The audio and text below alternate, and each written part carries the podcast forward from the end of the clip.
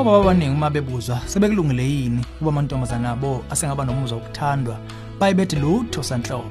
Nokho uma lesigaba sokukhula mayelana nomcabango womuntu wesilisa entombazaneni siphathwe ngobuchule singasindisa intombazane ey'khisini ey'ningi ekukhuleni kwayo. Sizokhuluma kabanzi ngalesi sihloko khona la ohlelweni ezomndeni.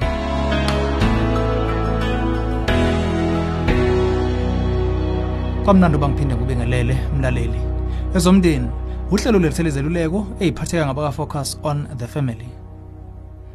Umama usibhayile umbuzo mayelana nombono womkhwena wakhe kwezothanda enganeni. Ngakuba intombazane neminyaka ewu-12 isencane kakhulu ukuqala ukukhombisa umcabango womuntu wesilisa kumbe ngomuntu wesilisa. Mina nomnyeni wami sinombono ohlukene ngalolu daba. Indodakazi yami ivamise ukuthi uma inomngane wayo sibabhadambe ncoma abafana bahle. Ngokwami lokhu ngibuka kuyinto ejwayelekile ekungeneni ekuthombeni umkhwena wami yena ukholwa ukuthi sencane kabi uqala ibe naleyo mcabango futhi uma ikhula izokukhalakathela kweqe ngiyamhlonipha kakhulu umkhwena wami futhi ngifuna ukugcina ubudlelwano obuqinile kuthina. Kodwa ngolunye uhlangothi ngimbona eqinisa kweqe nicabangane nina? Ngokuthembeka nje asicabangi ukuqinisa kweqe lonadaba lapha. Ubudlelwane bendodakazi nobaba bungabehlukile kakhulu okwenza kube nonqobuzana olukhulu mase kusesigabeni sokuthomba. Kusengaba khona izathu eziningi zongabazana lomkhwana wakho ngokuyiphatha kwendodakazi yakho.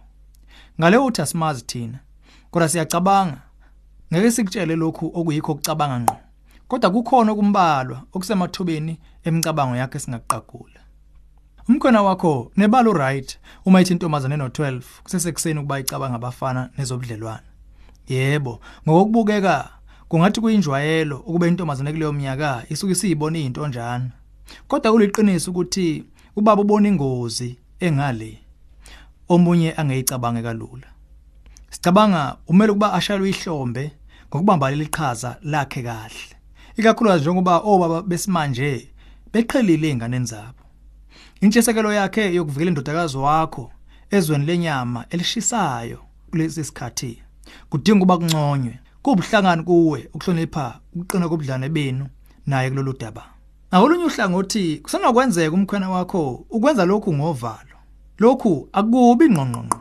Hlehlehle indlela enekhombisa uthando ngendodakazi yakhe kuyimvelo lokho futhi kuyaqondakala. Kodwa uma enovalo ngokwakhe esaba ukuthi indodakazi isiyakhula futhi iyaguquka ukuthi ubumnandi bobungane enayo sebuyedlula uma kunjalo udinga ukudlulela lo hlobo lokukhathazeka.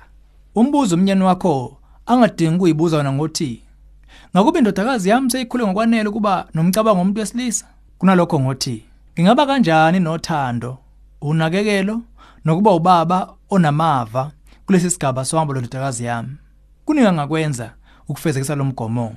Usengaqala ngokubona ukuthi umsebenzi wakhe wokuqala njengobaba ukumisa indodakazi yakhe lokho kuchaza ukuthi kulesi sigaba ukuyiqinisa ngokobuntombi bayo nokuba iqonde ezokukhula. Uma imthulisa ekuyibuke njengowesifazana okhulayo lokho kuyomnquma ingqondo ongagcina kholele ekhulukuthu eledlulele kule ntombazanyana. Esikhundleni sokuba umnyeni wakho afuna ukugqiba lesi sigaba somqondo womuntu wesifazane wokukhula. Kunalokho udinga ukumenza aqonde ukuthi indlela yokukhula komcabango womuntu wesifazane leyo. Yithuba lakhe lelokuxoxa ngamagxathu okumele abe phakathi komfana nentombazane ngokobuqotho bakhe. Isikhathi lesokuthi ungesabi onke amantombazane abanakho kuba nomcabango wobuhle babafana uma esefike kule minyaka kodwa ungathembela ekuncikeni kimi ukuba wedlulele lesigaba ngobuyonico. Ngakho ungangabazi indodakazi ukubuza uma unemibuzo. Khona lapho bese uyaqala ukwenza lesisekelo sokuthi kungena kanjani ebudlelwaneni. Ze kuthi mase kufika isikhathi ikhumbule. Uyomangala umehluko kuyowenza ukukhipha lesihloko ehlokozini qede konke kube sekukhanyeni. Lolu hlelo ezomndeni ulethulelwe yi-focus on the family sihlangabezwa hlelo luzayo sesihlabelisa phambili umndeni wakho